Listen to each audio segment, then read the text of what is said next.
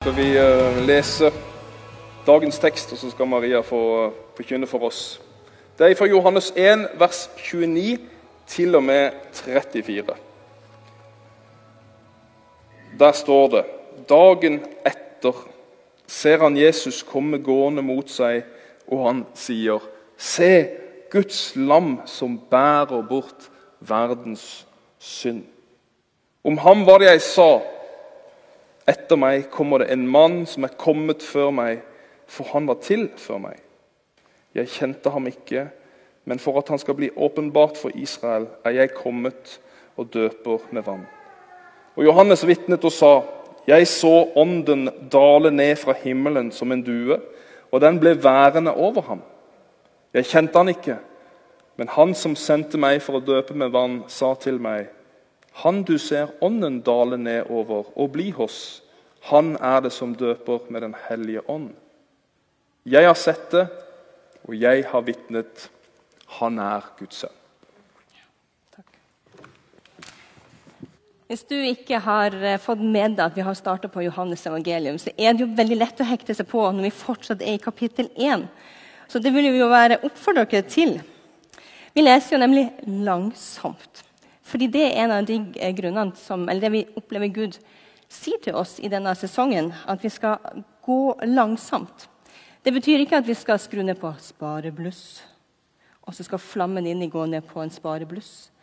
Men det å gå langsomt, det er jo fordi vi vil gjenkjenne Guds nærvær i livet vårt. Og så vil vi ta imot det som Gud har. Men altfor ofte er vi jo ikke hjemme, for vi er allerede på vei videre. Vi haster fra det ene til det andre, så har vi kanskje en kort bønn. Ah, Jesus, hva vil du? Men så er vi allerede på vei vekk. Kanskje her inne eller her oppe. Og får du ikke med deg gudsnærværet i hverdagen din, går vi glipp Gjenkjenner vi ikke Jesus i vårt liv, da går vi glipp av alt. Alt. Jeg kan sende bilde her. Det er litt sånn, sånn livet vårt er. Og så tror vi Gud sier nå, litt langsomt. Og Da får vi en glimrende hjelp i Johannes kapittel 1. Johannes som skriver, og Johannes som du leser om her, det er jo to forskjellige Johannes. For å holde tunga rett i munnen. Han som skriver, han var en av Jesus sine nærmeste venner. Av Jesus sine tolv disipler så hadde han tre som var ekstra nær. Og Johannes han var en av dem, og han beskriver seg som den disippel Jesus hadde kjær. Tenk så fantastisk av det som sin identitet. Ikke, ja, skal du høre, Jeg var den som planta de og de menighetene og har fått så og så mange skarer etter, men jeg er den som Jesus elsker. Det hadde satt seg fast i Johannes. Den andre Johannes som vi leser om, det er døperen. Det står ikke så veldig mye om han. Han ble jo halshugga ikke så lang tid etter. Men han var definitivt en veldig viktig person. Og Jesus han beskriver Johannes døpen som det største mennesket som hadde levd så langt. Wow! Altså Når Jesus sier det om et menneske, da burde vi liksom få med oss ok, hvem, hvem var det her? Hvorfor? For hva var det med døperen Johannes? Han kledde seg merkelig, spiste merkelig. Så levde han der ute i ødemarka. Liksom, han var ikke her i byen sammen med oss andre. Han var jo en profet. Men samtidig så gjorde han jo ingenting av de store miraklene og de tegnene som Spesielt den profeten som de sammenligna han med, Elia, som du leser om i Gamle testamentet. Elia gjorde masse spektakulære ting. Johannes, døperen, gjorde ingenting av sånne typer mirakler. Og likevel så kom det folk i hopetall, store masser, for å høre han der ute i ødemarka.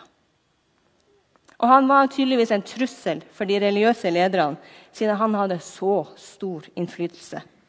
Og folk snakka. Du, han er Johannes. Tror du det kan være den Messias som vi venter på? Han som vi venter, han som skal fri oss ut. Tror du det kan være han? Så folk snakka. Og da måtte jo de religiøse, de religiøse lederne de måtte jo ut og sjekke det her ut. Hvem er du, Johannes? spør de. Med andre ord, det er jo vi som er de eh, ansvarlige for den åndelige påvirkningen her. Og vi kan ikke huske at vi har gitt deg mandat til å gjøre det her. Hva er det du egentlig driver på? Hvem er du? Men Johannes lot seg ikke vippe av pinnen. Folk kom i hopetall til Johannes for å bekjenne sin synd. Og vende seg bort fra det og bli døpt. Johannes han gjennomskua folk. Han var ikke sånn søt Jeg tror kanskje ikke han var veldig hyggelig. på en eller annen måte. Altså, han var sånn litt spiss. Han gjennomskua så tvers igjennom om det var noe. Om folk trengte nåde og tok imot det, eller om de kom bare for å la det se ut som det. Han gjennomskua.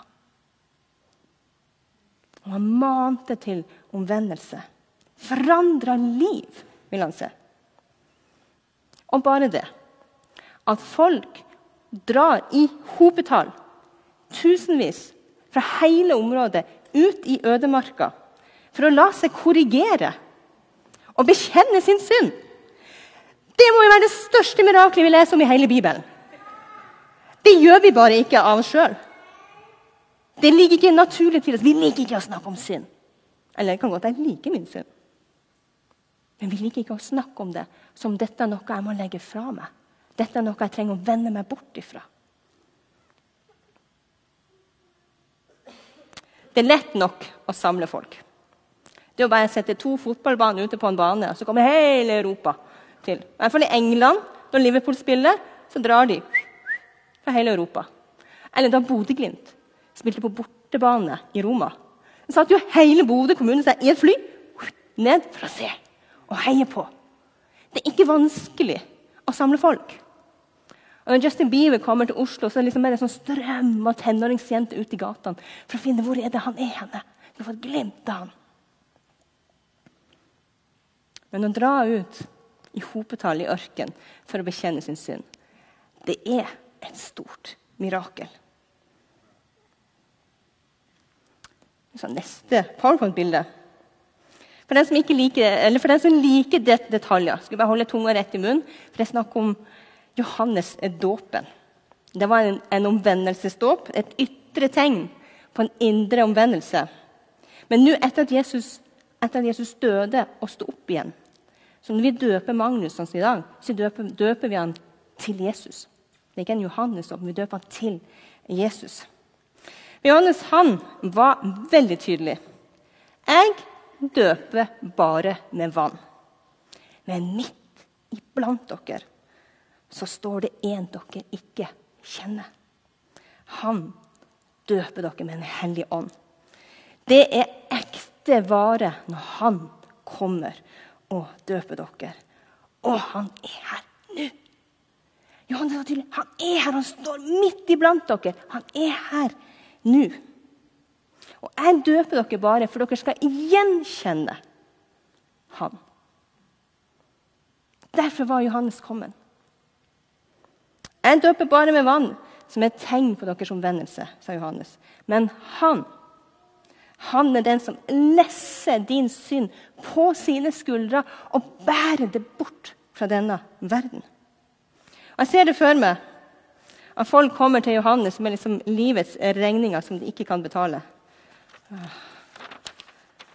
Og Da snakker jeg ikke om strømregninger. ikke sant? Eh, men ting som ikke ble helt som jeg hadde tenkt.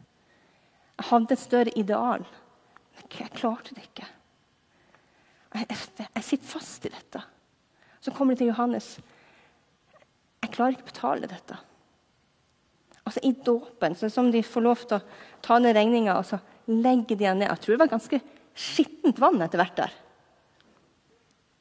Og så sier Johannes så tydelig Jeg er ikke Messias. Det er ikke jeg som kan betale de her regningene, men kom og legg de her. Og så er han sier, 'Se, der kommer han.' Som plukker opp alle de regningene som vi har lagt der nede, og lesser det på seg. Og så går han til korset og betaler det. Og Johannes sier, 'Jeg døper dere kun for dere skal gjenkjenne Han som kommer.' Og for en enorm kraft det er i det. For hvem var det som kom til Johannes for å bekjenne sin synd?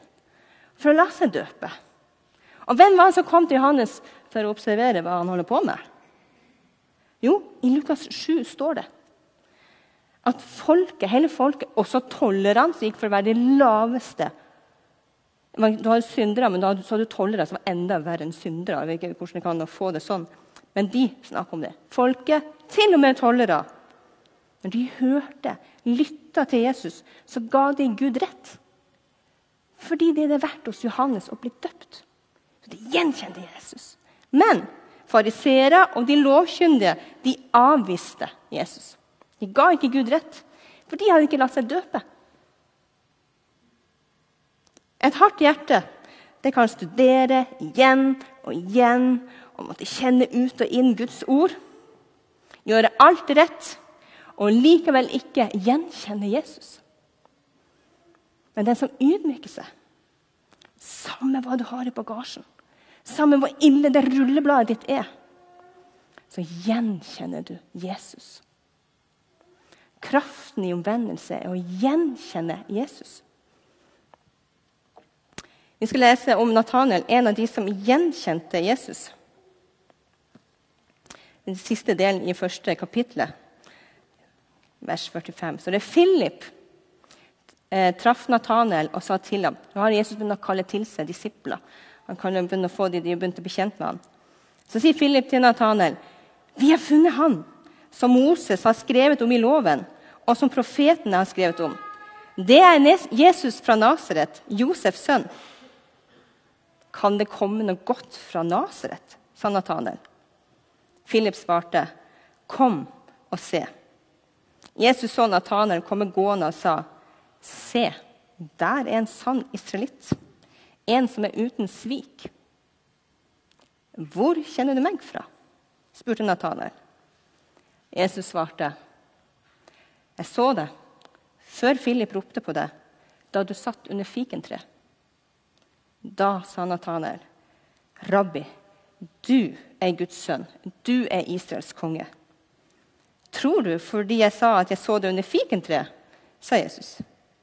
'Du skal få se større ting enn dette.' Så sa han, 'Sannelig, sannelig, jeg sier dere.'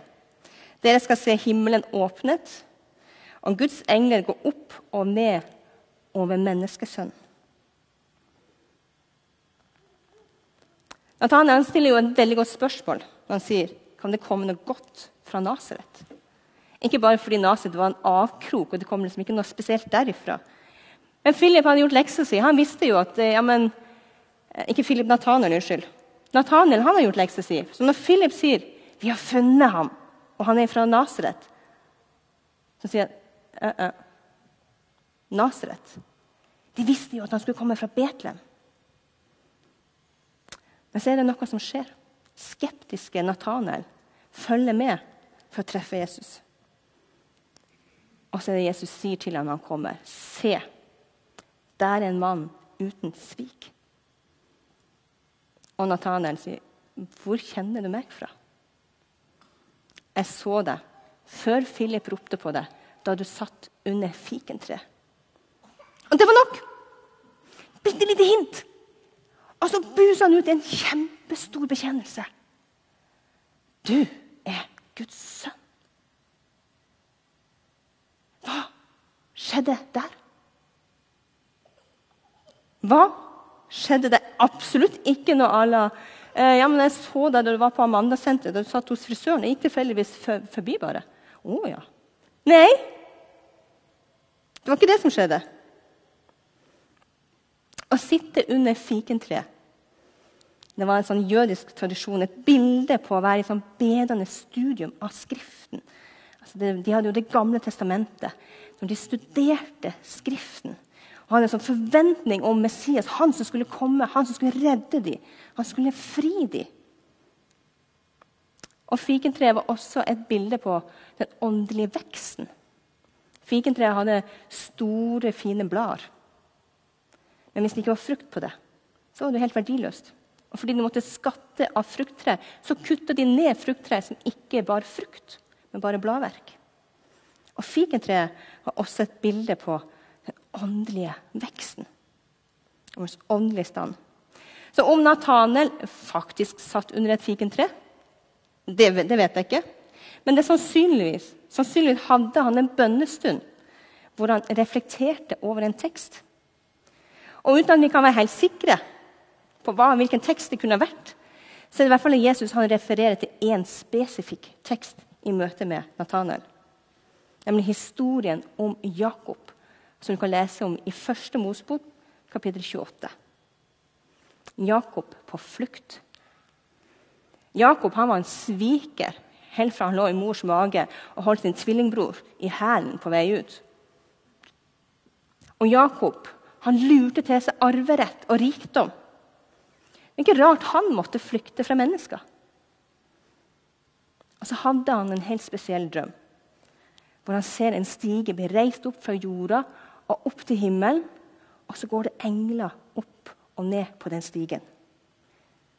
Og så er det at Gud står foran han plutselig og velsigner han. Velsigner Jakob. For Gud holder det løftet han hadde gitt til dem, at gjennom den slekta så skulle hele verden velsignes. Så det er på ingen måte utenkelig at Nathanael, som satt under fikentreet, han grunna på denne teksten. Kanskje hadde han omvendt seg fra sitt eget svik. Sånn at hans tro og hans liv ikke bare skulle være løvverk og store ord, men det skulle være frukt.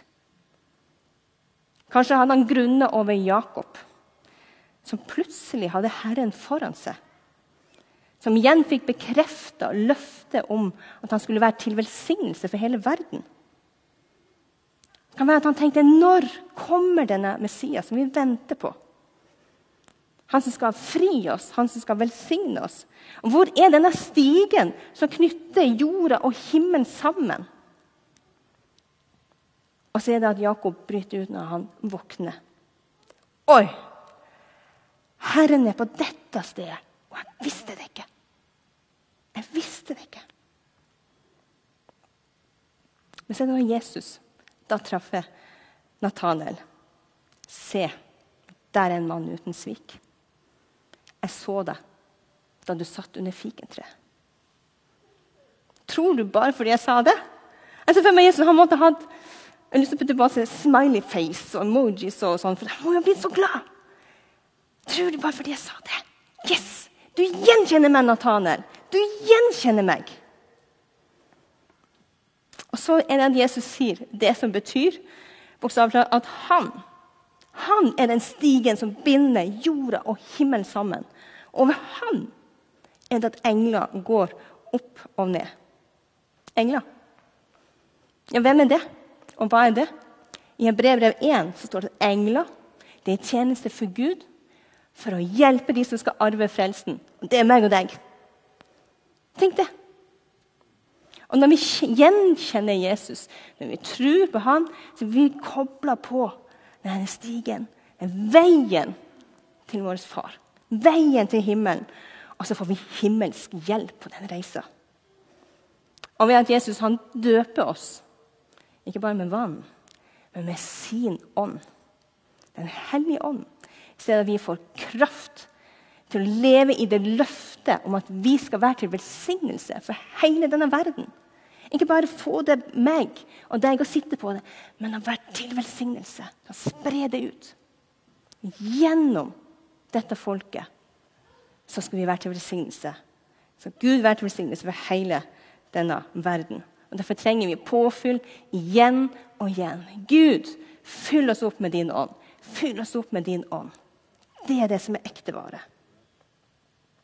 Hvis du ser siste bilde det er litt mørkt. Det er tatt tidlig en morgen.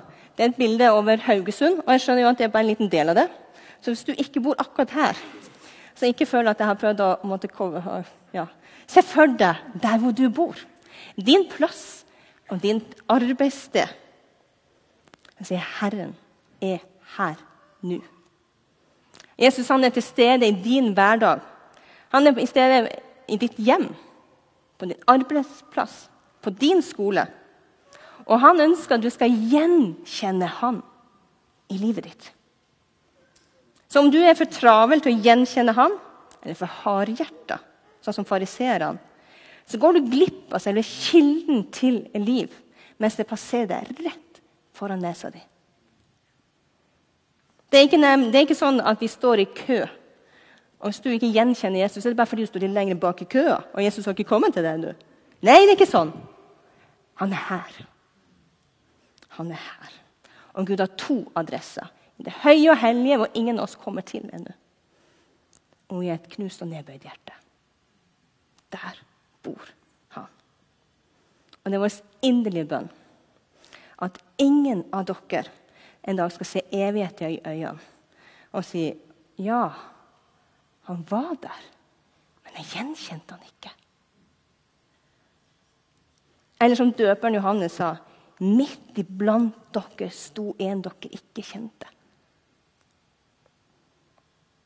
Jesus er her, og han er til stede i ditt liv. Vi kristne vi bruker ofte hendene for å uttrykke noe vi ikke helt klarer å finne ord for på innsida. Så åpner vi hendene som et ytre tegn på et hjerte som det vil si, vi vil åpne det opp, så vi kan gjenkjenne det. Jeg trenger Jesus. Så la oss be. Og hvis du er der hvor du kjenner jeg vil gjenkjenne Jesus i mitt liv, så kan du åpne hendene hvis du vil, der du sitter. Så ber jeg. Jesus Kristus, du som har båret bort alt det som skiller oss fra Gud. Lær oss å gjenkjenne deg i livene våre og i hverdagen vår. Hellige Ånd, jeg ber om at du skal hvile over hver enkelt, både de som sitter her i salen, og de som hører på via stream. Hvil over hver enkelt, du som kjenner hjertene. Og kall oss. Kall på oss. Du vet hva som trengs. Om det er omvendelse, om det er å ydmyke, eller om å si 'yes'. Yes. Og som folk vil vi kanskje spesielt vende oss bort fra den travelheten som gjør at vi ikke er hjemme i vårt egne liv, og ikke hjemme når du kommer. For vi vil. Vi vil, Herre. Men hjelp oss i vår uvilje. Hjelp oss. Vi vil kjenne deg, og vi vil gjenkjenne deg i livet vårt, i hverdagen vår. Så fyll oss opp, Hellige Ånd. Vi ber i Jesu navn. Amen.